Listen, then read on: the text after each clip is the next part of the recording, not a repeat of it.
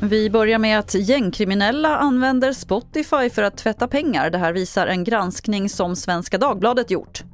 Det är ett listigt upplägg som Svenska Dagbladet nu avslöjar. Hur gängkriminella köper lyssningar på Spotify till artister kopplade till dem. Genom program och bottar får artisten falska lyssningar som Spotify sen ger betalt för. Men Spotify själva vill inte ställa upp på en intervju och svarar i mejl att de inte känner igen problemet med penningtvätt. Reporter här var Kalle Hedlund.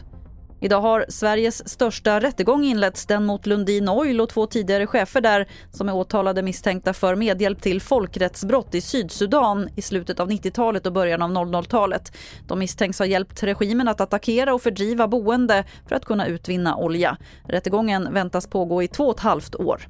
Och idag inleds också rättegången kring det som beskrivs som Sveriges största insiderhärva.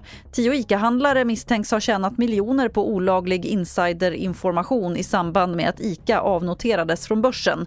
18 personer står åtalade. De misstänks ha tjänat totalt över 20 miljoner kronor på informationen. Fler nyheter finns på tv4.se. Jag heter Lotta Wall.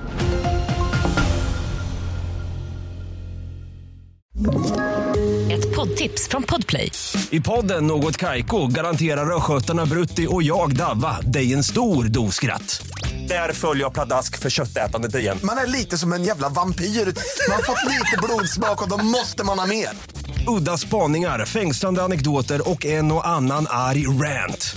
Jag måste ha mitt kaffe på morgonen för annars är jag ingen trevlig människa. Då är du ingen trevlig människa, punkt. Något Kaiko, hör du på Podplay. Därför är gardinerna.